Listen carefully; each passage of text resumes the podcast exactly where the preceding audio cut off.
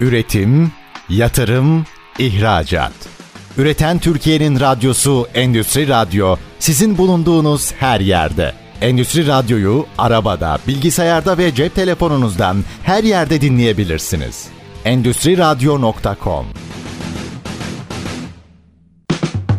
Çetin Ünsal'ın hazırlayıp sunduğu İşte Bunu Konuşalım programı başlıyor. İşte bunu konuşalımdan merhabalar. Türkiye'nin gerçek gündeminde birlikteyiz. Efendim bugün gelişen bir ekonomiden bahsediyorsak o gelişen ekonominin teknolojik dönüşümün açığa yukarı ne konuşursanız konuşun bir anahtar var. Elektrik. Elektrik olmadan yani düşünün bir an için düşünün elektrik yok. Fabrikanızda elektrik yok. Evdesiniz, B2C bir iş yapıyorsunuz, elektrik yok. Sanıyorum ne demek istediğim çok net anlaşılıyor. Peki bu elektrik sadece hattan gelen bir şey mi? Hayır. Orada da yatırım yani altyapı yatırımları çok önem arz ediyor. Biz bütün bunları konuşacağız aslında. O dönüşümü, yenilenebiliri, sürdürülebilirliği ama bunların temelindeki elektrik altyapısı faktörünü konuşacağız. Kıymetli bir konuğumuz var. Ekos Elektrik Yönetim Kurulu Başkanı Tarık Akbaş. Bugün işte bunu konuşalım konu. Sayın Akbaş hoş geldiniz efendim. Hoş bulduk. Teşekkür ederiz. Sen tanımlamam doğru galiba değil mi? Elektrik yoksa hiçbir şey yok bir ekonomisindeyiz. Tamamen karanlıktasınız açıkçası. Evet. Ve bize hatta yani e, güzel bir noktadan girdiniz. Şöyle söylüyoruz. Biz şu anda enerjinin omurgası da elektriğe evriliyor. Yani bu şu demek aslında kullandığınız telefon, evdeki kombiniz, elektrikli araçlarınız hepsi elektrikle çalışmaya başladı ve bu bu dönüşüm gerçekten kaydeder önemli bir dönüşüm. O anlamda Deniz'e çok çok katılıyorum. Bugün özellikle altyapıyı konuşmak istiyorum. Çünkü biz elektrikte şunu hep konuşuyoruz ki bence önemli bir başlık. İşte yenilenebilire dönelim, şunu konuşalım, bunu konuşalım. Oradan üretelim, burada üretelim. Ama günün sonunda ürettiğiniz elektriği bir şekilde doğru bir altyapıyla hedeflenen noktaya ulaştırmanız gerekiyor. Altyapı olarak baktığınızda şöyle bir fotoğraf çekin bize. Türkiye'de ne konuşuyoruz? Dünya ne konuşuyor? Ne kadar iyiyiz, ne kadar açmazımız var? Biraz oradan açalım. Dünyayla da iş yaptığınız için bu mukayeseyi rahat yaparsınız diye düşünüyorum. Dediğiniz çok çok doğru. Yani sonuçta elektriği üretmek bir mesele. Elektriği kullanılacak olan yere ulaştırmak bir mesele. Bu bağlamda elektriğin altyapısının ki az önce de bahsettiğim bu elektrik dönüşümü, enerjinin dönüşümü gerçekten elektrik altyapısının çok çok güçlendirilmesi gerekliliğini ortaya çıkartıyor. Bu bağlamda zaten hep konuştuğumuz işte güneş santrali yapılsın, rüzgar santrali yapılsının yanında şu anda Avrupa'da da aynı şekilde Amerika'da da Türkiye'de de elektrik altyapısının nasıl güçlendirilebileceği konuşuluyor. Yani sonuçta sadece bu elektrikli araçların gerektirdiği enerji, elektrik, güç araçlara ulaştırmak mevcut altyapıyla mümkün değil. Tek başına o bile iş. İş aynen öyle. Bu bağlamda biz de zaten trafo merkezi üretiyoruz. Hı hı. Yani, yani en kolay tanımıyla yollarda gördüğünüz üzerinde kuru kafa olan girmeyin yazan Bunlar o, o e, trafo merkezlerine tabii dış kılıfını tabii. ve içindeki ekipmanlarını üretiyoruz. Ve şu anda biliyorsunuz mesela örnek olarak söyleyeceğim elektrikli araçlar iki türlü şarj istasyonu var. Bir hızlı yani hı hı. DC şarj istasyonları ve AC şarj istasyonu olarak dağılıyor. DC şarj istasyonlarının şebekeye bağlanacağı yerler ki bunlar çok daha yüksek güç çekiyor şebekeden öyle düşünebilirsiniz. Bu bağlamda her bir neredeyse DC şarj istasyonunun yanına bir trafo merkezi eklemeniz gerekiyor. Yani şu anda Türkiye'nin hatta Avrupa'nın, dünyanın her yerinde bu altyapı sadece elektrikli e, araçlardan çok büyük bir ihtiyaç ortaya çıkartıyor. Ki akıllı evlere veya akıllı şehirleri konuştuğumuz ne zaman ulaşırız bilmiyorum ama bunları zikrettiğimiz bir noktada galiba ilk önce şu elektrikli arabalarla ilgili altyapıyı çözüp sonra gitmemiz gerekiyor oralara. E, tabii. En büyük kırılma o olacak galiba. Ya bu evet en büyük kırılma bence de bu olacak. Ama tabii bir altyapıyı oluşturuyorsanız hepsi için tek seferde oluşturmak yani. Bu da tabii bunun adı da planlama oluyor. İdeali bu. Doğru bir şekilde planlayıp ona göre altyapının e, kurulması bence de öncelik olması gerekiyor şu anda. O zaman biraz tanımlayalım mı? Ee, şimdi şöyle diyeyim. Elektrik altyapısı, trafo ne dersiniz? Nasıl zihninizde uyanıyorsa ne olur öyle tanımlayın. Günün sonunda benim öğrenmek istediğim şey şu. Evet biz bu teknolojiye geçeceğiz. Hatta madem elektrikli otomobilleri kastettiniz hızlı şarj teknolojisi en çok talep edilen olacaktır. Yani bizim çok ciddi bir güce ihtiyacımız var. Bir kere yanlış yaparsanız sonu çok kötü. Yani bunu telafi etmek çok zor. O zaman biraz bu işi idealize edelim mi? Biz sağlıklı bir elektrik altyapısından bahsederken nelerden bahsetmek zorundayız ki yarın ya bir dakika ilave yatırım, ilave yatırım diye kendimizi parçalamayalım. En baştan sağlıklı elektrik altyapısı dediğimiz şey ne? Burada şunu da ekleyelim hatta bunu Onu belki başta da söyleyebilirim. Şu anda enerji, elektrik üretildiği yerde tüketilme trend bu. Ye doğru gidiyor. Yani burada şunu söylemek istiyorum. Eskiden değil hala da öyle. İşte bir hidroelektrik santrali kuruluyor ya da bir gaz santrali kuruluyor. Tabii Keban'dan bunlar, Altunizade'ye elektrik geliyor. Rastgele söylüyorum. Çok doğru aslında. Yani bu tabii bunlar yüksek gerilim iletim hatlarıyla taşınması gerekiyor. Yani ya elektrik şöyle hızlıca teknik olarak söylersem uzun mesafelerde gerilimi yükseltip akımı düşürüp kayıpları minimuma indiriyor aslında. Bu sebepten dolayı yüksek gerilimde taşınıyor. Bu tabii uzun mesafelerden taşınmasını elektriğin gerektiriyordu. Tabii şimdi işte güneş santralleri olsun hatta rüzgar santralleri de aynı şekilde binanızın üzerine ya da fabrikanızın üzerinde enerji santraliniz var. Yani yukarıda ürettiğiniz elektriği hemen aşağıda ya da yakın yakın çevrede kullanıyorsunuz aslında. Bu da aslında bir dönüşümün bir parçası. Burada biz de mesela hani elektrikli araçlardan girdik hani oradan devam edelim çünkü bence güncel en popüleri de o. E, en popüler Aslında konulardan hepimizin biri. sizin teknik olarak anlatacaklarınızı en rahat anlayacağımız nokta o. Evet, e, doğru söylüyorsunuz. Mesela burada tabii şebekenin yani kuruluşunda işte diyorum ya işte bir DC şarj istasyonu kuruyorsunuz ve yakında bir trafo merkezi eklemeniz gerekiyor ki gücü oradan şebekeden alabilirsiniz. Burada biz mesela yaptığımız tasarımlarından biri yine aynı şekilde elektriğin üretildiği yerde tüketilecek şekilde üzerinde güneş paneli olan hemen yanında enerjiyi de depolayabileceğiniz ve onu da hızlı bir şekilde araca ya da araca diyelim araca e, araçta kullanabileceğiniz bir e, yapı oluşturuyoruz aslında. Bu biraz daha buna biraz dağıtık bir şebeke haline geliyor. Yani şimdi kritik nokta da orada zaten eskiden bunları kamu yapıyordu ya da kamu adına kamu büyüklüğünde özellikle bir şirket yapıyordu ama şimdi herkesin kendinin dikkat etmesi gereken bir altyapıdan bahsediyoruz. Evet evet aslında dediğiniz gibi bu o hale geliyor. Yani burada hani sorunuza geri dönecek olursak bu hani elektrik altyapısının en ideal şeklinde nasıl kurulabilir diye ya Burada tabii şimdi bu elektrikli araçlardan devam ediyoruz. Bu şehir içindeki altyapıdaki aslında en büyük problemlerinizden biri yer oluyor aslında. Yani e, biliyorsunuz şu anda yani bir ki araçların da neredeyse en yoğun olduğu yerlerde şehirlerin içi oluyor. Burada yerden tasarruf ede, edebilecek bir bir altyapı kurulmasının ben açıkçası önemli görüyorum. Bir de enteresan bir şey söylüyorsunuz. Biraz açar mısınız? Yani metrekarenin çok yüksek olduğu özellikle büyük şehirler açısından baktığımızda enteresan. O kastettiğiniz görünmeyen trafodan mı bahsediyoruz? Nasıl bir yere kurulacak ki o? Ya şöyle oluyor aslında bu bizim özellikle mesela trafo merkezlerinden bahsedersek burada mesela özellikle anahtarlama ekipmanları oluyor. Hı-hı. Yani bir trafo var. O trafoyu koruyan yani nasıl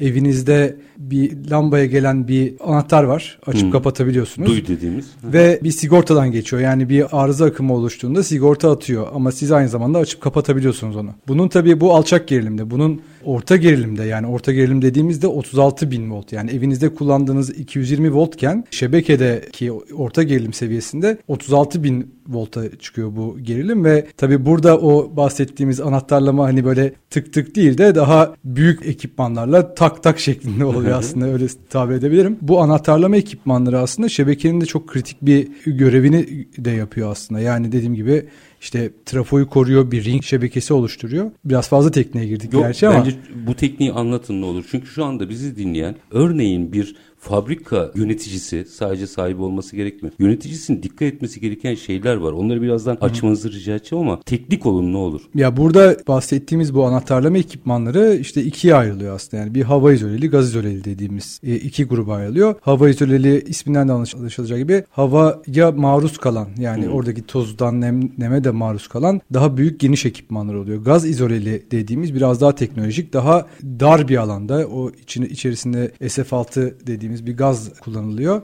Bunlar daha kompakt, daha küçük ekipmanlar oluyor. Bunlar e, hem yerden tasarruf etmenizi e, sağlıyor ve bakım gerektirmeyen ekipmanlar. Çünkü işte havaya, neme, dış, etkenler. ma- dış etkenlere maruz kalmıyor. Bu dediğim gibi işte şehirlerde özellikle o trafo merkezini kurduğunuz yerde yerden çok büyük tasarruf sağlıyor. Operasyon maliyetlerini düşürüyor. Ha, kritik nokta bu. Hı-hı. Şimdi bunu birazcık açmanızı rica edeceğim. Minik bir araya gideceğim. Aranın ardından ister bir site yöneticisi, ister bir apartman yöneticisi, isterse bir fabrikanın yöneticisi. E, bu tip satın almalarda nelere dikkat etmesi gerekiyor biraz onu açmanızı rica edeceğim. Çünkü ortada bir pazar varsa liyakatlılar kadar liyakatsızların da çok doğaldır bu. Ekonomik olarak oradan pay almak isteyeceği bir yapıdır. O yüzden biz nelere dikkat edilmesi gerektiğini biraz konuşalım istiyorum. Çünkü bunlar yanlış yapılan yatırımlar çok daha maliyetli hale dönüşüyor. Minik bir ara. Aranın ardından açacağım boyutu. Ekos Elektrik Yönetim Kurulu Başkanı Tarık Akbaş bugün işte bunu konuşalım konu. Elektrik hepimizin olmazsa olmazı ama biz altyapısını konuşuyoruz. Kısa bir ara lütfen bizden ayrılmayın. Üretim, yatırım, ihracat. Üreten Türkiye'nin radyosu Endüstri Radyo sizin bulunduğunuz her yerde. Endüstri Radyo'yu arabada, bilgisayarda ve cep telefonunuzdan her yerde dinleyebilirsiniz. Endüstri Radyo.com Kısa bir aranın ardından işte bunu konuşalım da tekrar sizlerle birlikteyiz efendim. Elektrikteki dönüşümün aslında altyapıyla açılan anahtarını mercek altına alıyoruz. Ekos Elektrik Yönetim Kurulu Başkanı Tarık Akbaş bugün konuğumuz. Araya gitmeden önce şunu sormuştum. Ne olur açın. Bu bir site yöneticisi de olabilir. Bir fabrikanın yenilenebilir sistem kurdu. Tamam güzel. Bence herkes yapmalı bunu. Yani bir şekilde şebekeden ari durumlara gelmeli. Kendi elektriğini üretmeli. Ama ondan sonra orada bunu trafo ve benzeri bütün altyapıyla sağlıklı kullanabileceği bir alanı da oluşturması gerekiyor. Biz reklam arasında biraz sohbet ettik. İşin batarya yani depolanma kısmı da var. Tüm bu çerçevede baktığımızda ben böyle bir yatırım yaparken neye dikkat etmeliyim? Siz uzmansınız ama ben değilim. Ne sormalıyım karşımdakine gelene? Burada hani araya gitmeden önce biraz teknik ama işte anahtarlama ekipmanlarından bahsediyorduk biraz. Hani ki bizim hani şirket olarak da uzmanlığımız da biraz da bu. İşte gaz izoleli ve hava izoleli e, olaraktan ikiye ayırmıştık ve burada hani ikisinin de avantajları olduğunu söyledik tabii ki. Birinin fiyat avantajı da var. Ancak burada gaz izoleli dediğimiz sistemler daha kompakt yapıda ve bakım gerektirmeyen sistemler. Bu bağlamda hani bir site yöneticisi dediğiniz ya da bir yatırım yapacak herhangi bir bir fabrika e, yöneticisi diyelim. Bir fabrika yöneticisinin buna hani önem vermesi gerektiğini açıkçası düşünüyorum. Hani burada işte dediğim gibi değerlendireceği şeyler alacağı ekipmanın kalitesi önemli çünkü emra madelik burada e, kritik önemde. Ancak işte hem yerden tasarruf etmesi hem operasyonel maliyetlerinin belli bir seviyenin altında olması bağlamında gaz izoleli sistemleri kullanabileceğini açıkçası söylerim, tavsiye ederim diyeyim. Burada bunun yanı sıra şu da var. Bizim mesela ürettiğimiz işte trafo merkezlerini yollarda görüyoruz. İşte Bağdat Caddesi Caddesi'nde yürürken görüyoruz. Mutlu oluyoruz tabii ki ama tabii bir o kadar büyük bir kütlenin bazen yer olmadığı için ya da belli sebeplerden dolayı neredeyse kaldırma koyma durumu oluyor. Yani o anlamda biz sürekli hem tüm dağıtım şirketlerine olsun hem belediyeler olsun bu, bu alanda hep sunumlar da yapıyoruz ve bu trafo merkezlerinin yer altına alınması güzel. açın biraz orayı ne olur. O alınması güzel. gerektiğini düşünüyoruz. Yani biliyorsunuz hani yer üstündekileri zaten hepiniz görüyorsunuz aslında. Ve görmeyelim e, mümkün bu diyorsunuz. E tabi bizim için hani aslında görünür olmak belki daha iyi olabilir diye düşünürsünüz yani bir üretici için aslında ama bunların yerin altına koyulabilme, koyulan tipleri var diyeyim. O anlamda sadece bir üstte bacasını görüyorsunuz ve yerin altında gömülü. İşte bazen işte parklarda olabiliyor. Hatta Galata Köprüsü'nün or- orada bir tane geçenlerde yaptık. Bir Ziraat Bankası'nın bir binasının markaya girmeyelim ama trafo merkeziydi. Eski bir binaydı açıkçası. Orada tabii özellikle görselliği de bozmamak açısından. Oradaki o bina mı? Bildiğimiz tarihi binanın orası mı? Evet evet. Ha enteresan. Eski binada da yapılabiliyor bu yani. Eski binanın dışına yapılıyor tabii ki. Eskiden, eskiden bu trafo merkezleri binanın altındaydı. Tabii yeni yönetmelikler buna Hı. izin vermiyor. O yüzden dışarıya koymanız gerekiyor. E tabii e, Galata Köprüsü yani ne kadar görsün ne kadar önemli olduğunu tabii, siz tabii. de tahmin edebiliyorsunuz. O anlamda belediyenin de hatta teşviğiyle onu hemen dışarıya bu üstte yukarıya da olmaz buradaki görüntü kine izin veremeyiz dediler ve bunu yerin altına gömdük. Bu gerçekten önemli ve e, başarılı bir projeydi diyebilirim aslında. Ya bunu her yerde. Her yerde yapabiliriz sanki çünkü bildiğim kadarıyla yanlışsa düzeltin. Bu trafo merkezlerinin veya trafoların diyelim konumlanmasıyla ilgili mücadele başlı başına bir operasyon. Yani işte sitenin biz de yaşadık daha önce onu sitede biliyorum. Sitenin içine koyarsınız site istemez dışına koyarsınız bir sürü prosedür vardır. Şimdi ama günün sonunda bir trafo olması gerekir orada.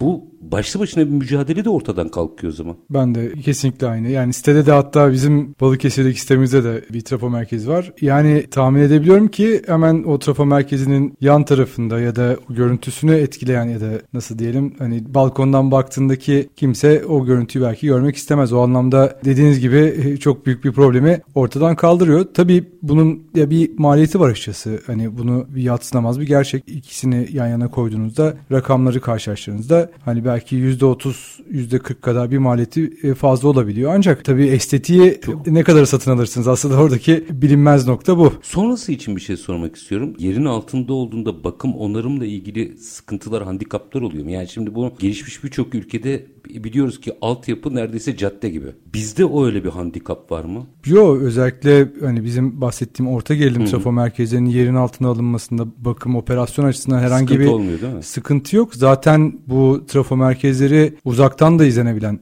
trafo merkezleri yani SCADA akıllı akıllı trafo merkezleri SCADA. SCADA sisteminden uzaktan bağlanıp işte hem izleyebiliyorsunuz yani oradaki akım gerilim değerlerini izleyebiliyorsunuz hem de kontrol edebiliyorsunuz yani açtığında kapatabiliyorsunuz. Bir bir, tuşta uzaktan yapabiliyorsunuz bunu. Ama yine aynı şekilde içine girip bir operasyon yapmanız gerektiğinde de bu gayet kolaylıkla yapılabiliyor. Ve aslında mesela bu şeyde söylemek gerekir. Belki işin dışında olunca bunu çok göremiyorsunuz ama o trafo merkezleri dediğimiz işte yer üstü de olabilir, yer altı da olabilir. Bunların hepsi test edilen ekipmanlar. Yani içerisinde bir arıza bile olursa bir bir patlama olsa dışındaki herhangi bir operatöre ya da dışarından geçen bir insana herhangi bir zarar gelmiyor ki koca koca dev trafo merkezleri yurt içinde yurt dışında test ediliyor ve bu testlerde gerçekten içerisinde bir e, ark oluşturuluyor. Yani bir patlama oluşturuluyor ve dışarısındaki herhangi bir kişiye zarar vermediği simüle edilebiliyor. Bu bu anlamda bu hem yerüstü hem de yeraltı trafo merkezleri için geçerli. Çok teknik bir konu.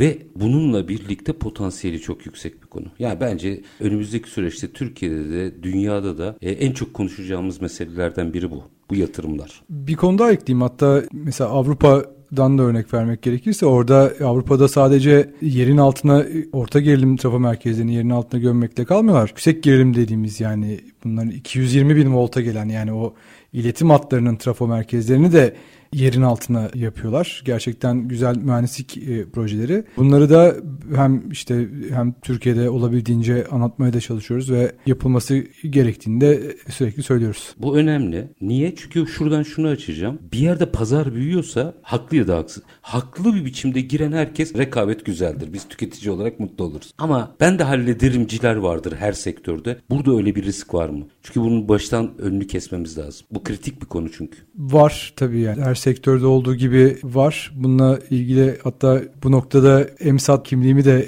ortaya çıkartabilirim. Biz ben aynı zamanda Elektromekanik e, Sanayiciler Derneği'nde ah, de e, yönetimdeyim. Orada da bu konuyu oldukça ele alıyoruz. Burada ya tabii bu elektrik altyapısı, trafo merkezi dediğiniz şey belki hani hayatınızda 2-3 kere e, duyuyorsunuzdur belki ama burada yaptığınız yatırım ve yani oraya koyduğunuz ekipman insana dokunan ekipman. Yani biz de bunun hem mesela bir şirket olarak da bunun bilinciyle çalışıyoruz. Yani orada e, koyduğunuz bir ekipman çünkü bir operatör işletiyor ve evet. karşısına geçip bir manevra yapıyor. O manevrada işte bir arıza oluşması durumunda az önce de bahsettiğim gibi bir insana dokunur e, bir tarafı var. O anlamda bu ekipmanları üreten ve e, yapan firmalar tabii çok çok gerçekten saygın firmalar var. Onlar oluştu. olsun zaten. Kesinlikle o anlamda. O yüzden hani bunu biz de yaparızcıyla yola çıkılabilecek bir sektör değil elektromekanik sektörü. Bunu rahatlıkla söyleyebilirim. Ee, baştan önüne almak lazım. Peki şu açıdan merak ediyorum. İki dakika sonraya gideceğim ama buraya girelim. Gerekiyorsa açarız sonra. Yurt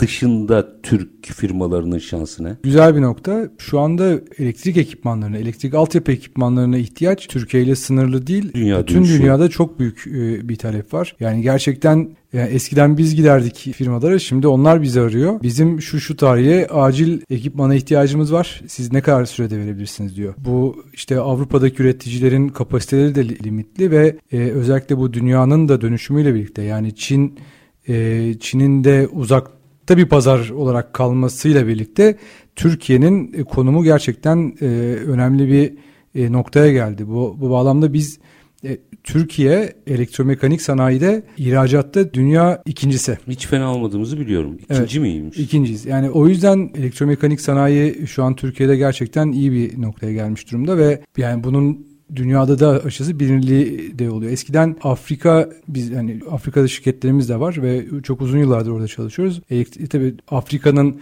elektrik altyapısı tahmin edebileceğiniz üzere çok da gelişmiş değil ve gerçekten çok da hani çok büyük talep var. Yeni olarak e, Avrupa'da oturmuş bir altyapısı vardı. Şimdi yenilenebilir enerjinin de devreye girmesiyle birlikte oradaki elektrik altyapı ekipmanlarına ihtiyaç da çok fazla artmış durumda ve e, bu bağlamda yani Türk e, firmaları olaraktan e, bu pazarlarda e, gayet güçlü bir şekilde yolumuza devam ediyoruz. Minik bir araya gideceğim. Aranın ardından biraz Afrika'yı açmanızı rica edeceğim. Verdiğiniz röportajlarda da Afrika vurgularınızı gördüm. Allianz Trade'in de bir e, raporlaması oldu. Afrika herkesin konsantre olduğu bir pazar. Ve diyorsunuz ki orada kimsenin ayakkabısı yok. Meşhur örnekte olduğu gibi. Orada bir şeyler yapmak gerekiyor. Onu da alacağım. Yine merak ettiğim bu kadar geleneksel bir altyapıya sahip olan Avrupa'nın dönüşümü bu açıdan nasıl sağlanacak ve biz orada nasıl devreye gireriz onu da merak ediyorum ama minik bir araya gidelim. Aranın ardından açacağız. Efendim Ekos Elektrik Yönetim Kurulu Başkanı Tarık Akbaş bugün bizlerle birlikte elektrik altyapısını konuşuyoruz. Büyük dönüşümün aslında en çok konuşulan başlığı elektrik ama en az konuşulanı elektrik altyapısı. Biz bugün bunu mercek altına alıyoruz. Kısa bir ara aranın ardından işte bunu konuşalım.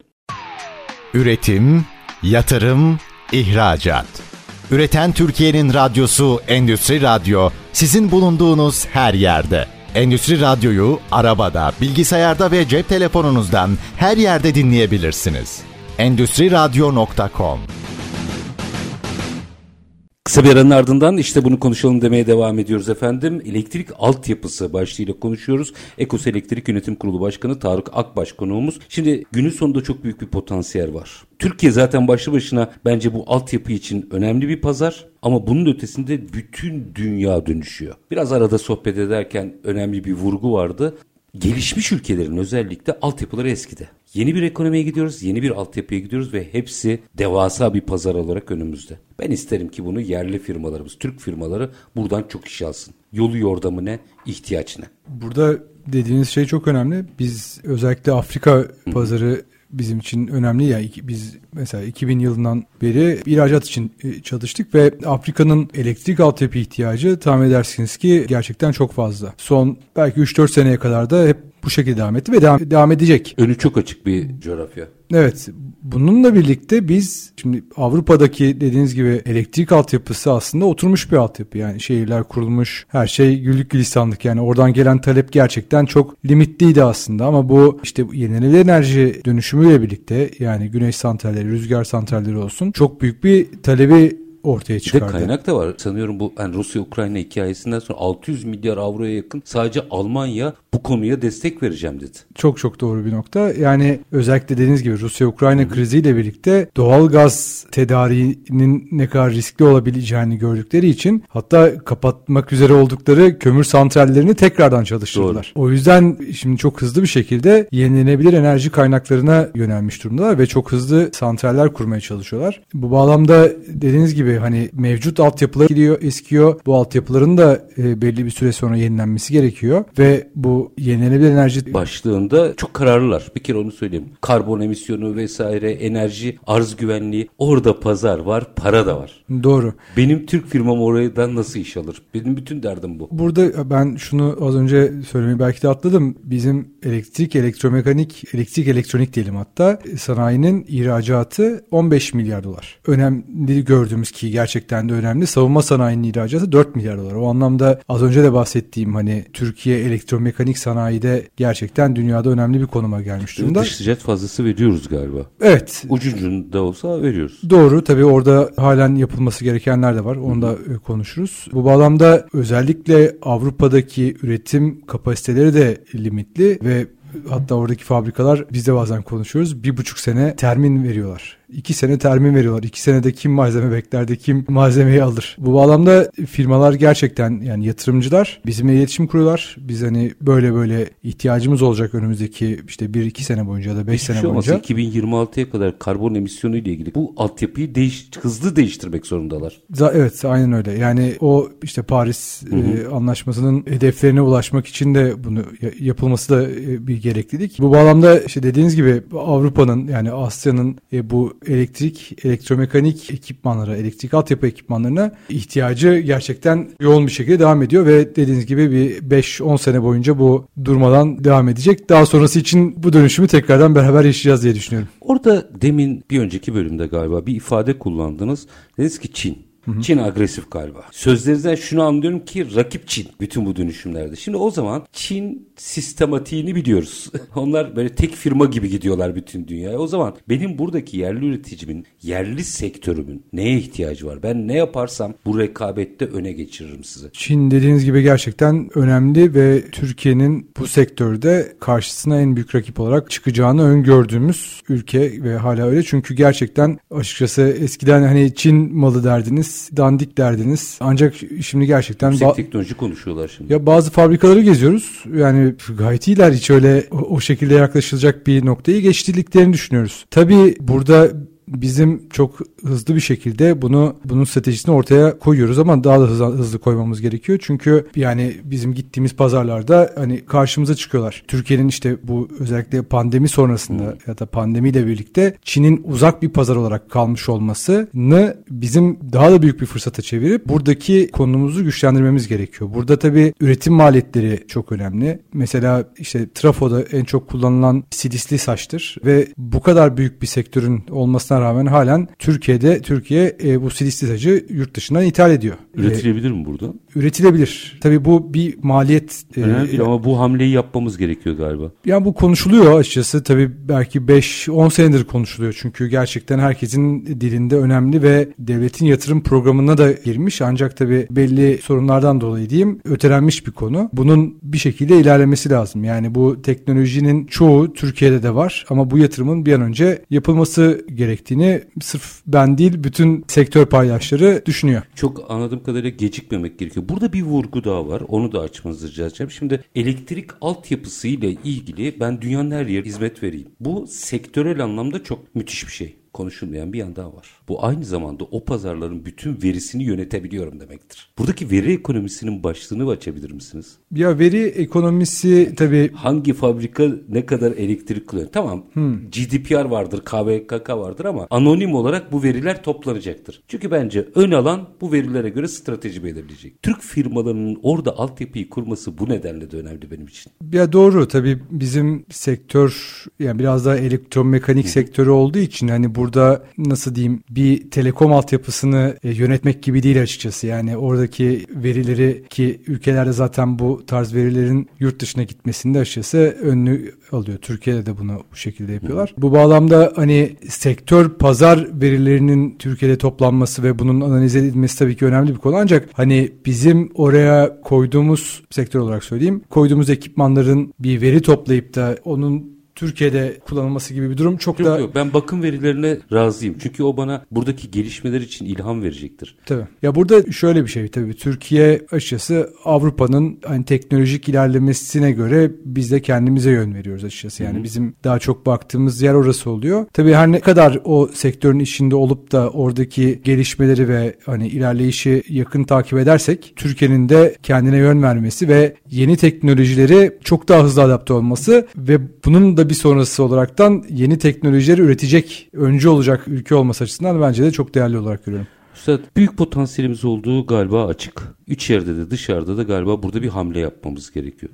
Şimdi birkaç nokta var. Ben genellikle bir beş dakikam var. İşin bu boyutunu da konuşuyorum. Yani halka arz sürecinde olan firma buldum mu affetmiyorum. Süreci konuşabilmek adına. Çünkü bu iş çok kolay gözükmeye başladı. Bunu niye soruyorum? Birkaç nedenle soruyorum. Birincisi gerçekten süreç nasıl? İkincisi bir firma gerçekten niye halka arz olmak ister? Bana bunu anlatın ne olur. Üçüncü bir boyut var. Siz bir İstanbul firması değilsiniz. Ben Anadolu kalkınmadan Türkiye'nin kalkınacağına inanmayanlardanım. O yüzden bir Balıkesir'den bir firmanın bunu yapıyor olması ayrıca benim için önemli. Ne olur bu üç boyutta bir beş dakika bunun sohbetini yapalım. Tabii. Burada şunu söyleyerek başlamak istiyorum. Bizim az önce bahsettiğim gaz izoleli hücrelerden bahsettim biraz. Burada bu ürünleri Türkiye'de ilk defa geliştirip mühendisliğini yapıp üretimini yapan yapan hani firmayız. Bu hem az önce dağıtım şebekesi için bahsettik ancak bu ekipmanlar aynı şekilde iletim şebekesi için de üretiyoruz ki bunlar biraz daha teknolojik ürünler ve burada ürettiğimiz ürünlerde özellikle çok uluslu şirketlerle rekabet halindeyiz. Yani hem Türkiye'de hem de dünyada. Know-how bize ait olarak mı yapıyorsunuz bunları? Tabii bunun Güzel. tamamını yani kendi... Bize derken Türkiye yani siz yani, öyle düşünün. Bence de o şekilde konuşmak lazım. Evet yani tamamen bize ait bir bilgi birikimi ile birlikte bu ürünleri geliştirdik. Bu çok uluslu firmalardan bahsettiğimi az çok tahmin edebiliyorsunuzdur. Hı-hı. Gerçekten 100-150 yıllık firmalardan bahsediyoruz. Bu biz de hani yaklaşık çeyrek asırdır e, faaliyet gösteriyoruz ve başarılı işler de yapıyoruz. Tabii karşımızdaki yani rakibimiz 100-150 yıllık firmalar olunca biz de hatta şöyle söyledik. Cumhuriyetimizin de 100. yılında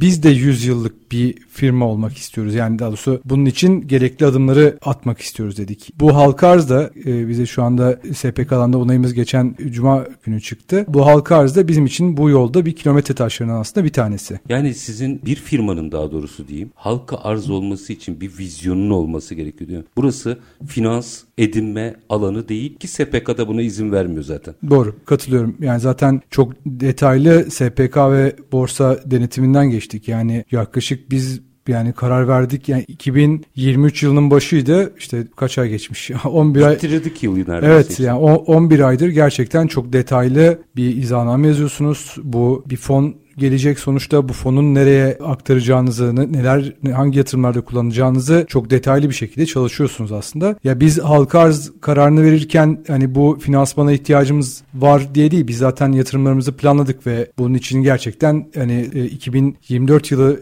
başında da hatta transformatör dağıtım trafosu üretimimiz de başlıyor olacak. O anlamda yatırımlarımız başladı ve devam ediyor. Bu zamana kadar hep böyle devam ettik. Az önce bahsettiğim gibi aslında buradaki birinci önceliğimiz ve yani bunu kendi biz böyle yaptık. Hani herkese de bu şekilde tavsiye ediyorum. Şirketin zaten finansallarının doğru olması lazım. Dediğiniz gibi vizyonun olması gerekiyor. Bunun yanında biz bizim hedefimiz buradaki bir daha da kurumsallaşmak. Kişilerden bağımsız bir ilerleyebilecek. Tabii ki bir şirketin e, dünyada da öyledir ama hani anladım ben. E, profesyonel bir bakış açısının hakim olması. Tabii doğru. Yani o anlamda dediğiniz gibi hani benim hani para ihtiyacım var. Ben halka arz olayım gibi bir yaklaşımı yani dediğiniz gibi SPK ve borsada buna öyle kolay kolay da izin vermez. Ama bir hedefiniz varsa zaten düzgün çalışıyorsanız projeleri gerçekleştirmek için galiba halka arzda doğru bir sistem. Ve tabii ki yani o şekilde biz de düşünüyoruz. Yani bizim mesela krediye erişimimiz var. Gayet bankalarla ilişkimiz iyi. O anlamda herhangi bir sorunumuz yok. E tabii ki özellikle geldiğimiz bu noktada mesela faizlerin de bu kadar yükseldiği yani Türkiye'de dünyada da yükseldiği bir bir noktada bir fonun geliyor olması hani yatırımlara biraz daha ivme sağlayacaktır. E, müthiş. Bunu ben istediğim cevabı çok net verdiniz. Yani kimse artık şu finans lazım. A, bir de halka arz deneyelim. Zaten o çıkmaz sokak da. Genelde halka arza imkan tanımıyorlar ama vizyonu çerçevesinde halka arz yapmanız gerekiyor. Galiba söylediğiniz bu. Kesinlikle öyle. Biz ya burada en önemli şey her zaman konuşuyoruz. Türkiye'den markanın çıkması, global markaların çıkıyor olması gerekiyor. Yani burada işte yaptığımız işte elektrikli araç var. Onun hani yani mesela hep konuşuluyor hani ya işte parçaları toplanıyor vesaire. Ya o da olabilir. Her şey olabilir. Önemli olan Marka. markanın yaratılıyor olması. Bu, bu bu gerçekten çok önemli bir konu. Bizim de işte hani yani firma olaraktan hedefimiz hani Türkiye'den çıkan global bir marka ve işte 100-150 yıllık hikayesi olan sürdürülebilir bir şirket haline gelmek aslında. Buradaki ortaya koyduğumuz vizyon da bu. Bunun için bu çeyrek asırda yani 25 yılda yaptığımız bütün adımlar böyle. Globalde de gerçekten güzel bir tanınırlığımız oluşmuş durumda. Ancak bunu tabii bir ileriki seviyeye almak için az önce de söyledim. Yani halka arz aslında kilometre taşlarından sadece bir tanesi. Bu işin Anadolu'dan bir firmadan çıkmış olması da bence Türkiye ekonomisi açısından örnek olacak bir şey. Ben buradan direkt sözünü alayım. Lütfen bu tecrübelerinizi bugün sağ olun bizle paylaştınız. Anadolu'yla paylaşın. Oradan daha çok firma çıkaralım. Kesinlikle öyle. Yani dediğinize çok da katılıyorum. Zaten oralardayız. Zaten e, Balıkesir merkezli bir firmayız aslında. Yani Balıkesir'den çıkan global bir firmayız diyelim. Ancak yani bütün sektöre de faydalı olabilmek için işte EMSAT çatısı altında gerçekten güzel çalışmalar da yürütüyoruz. Bunu da daha da geliştirmek için sayenizde de bunu yani duyuracak bir fırsatımız oldu. Biz bilginizi sömürdük Sayın Akbaş. çok çok teşekkür ediyorum. Ben teşekkür ederim. İşin latifesi bir tarafa. Çok kıymetli şeyler söylediniz ve bence çok önemli uyarılarda bulundunuz. Yani bizim elektrik altyapısını daha çok konuşmamız gerekiyor. Hem doğru bir dönüşüm için hem de burada devasa sadece yurt içinde değil yurt dışında da büyük bir potansiyel var ve diyorsunuz ki sektör buna hazır. Biraz sektörü galiba arkadan itelersek enteresan işlere imza atacağız. Aynen katılıyorum. Gerçekten. Ekos Elektrik Yönetim Kurulu Başkanı Sayın Tarık Akbaş çok çok teşekkür ediyorum efendim. Var olunuz. Ben teşekkür ederim. Var Çok sağ olun. olunuz. Efendim biz bugün enerjideki dönüşümle başladık. Elektrik faktöründe aslında en kritik anahtarı konuştuk. Elektriği konuşuyorsanız yenilenebilir de olsa merkezileşmeyi bırakan bir süreçte yani o yerel lokasyonlarda üretilen elektrikte altyapıyı doğru yapmazsak sıkıntı yaşarız. Ve bunun için görüyoruz ki teknolojik olarak her şey mümkün. Ciddi bir verimlilik gelecek. İşte o zaman biz rekabet eder olacağız. O zaman ürünlerimiz katma değerli hale gelecek. Hele ki bunu Anadolu ile birlikte hep birlikte başarabilirsek amiyane tabirle tadından yenmez bu iş. Biz bugün detayları Ekos Elektrik Yönetim Kurulu Başkanı Tarık Akbaş'la konuştuk. Her zamanki gibi bitirelim. İşinizi konuşun, işinizle konuşun. Sonra gelin işte bunu konuşalım. Hoşçakalın efendim.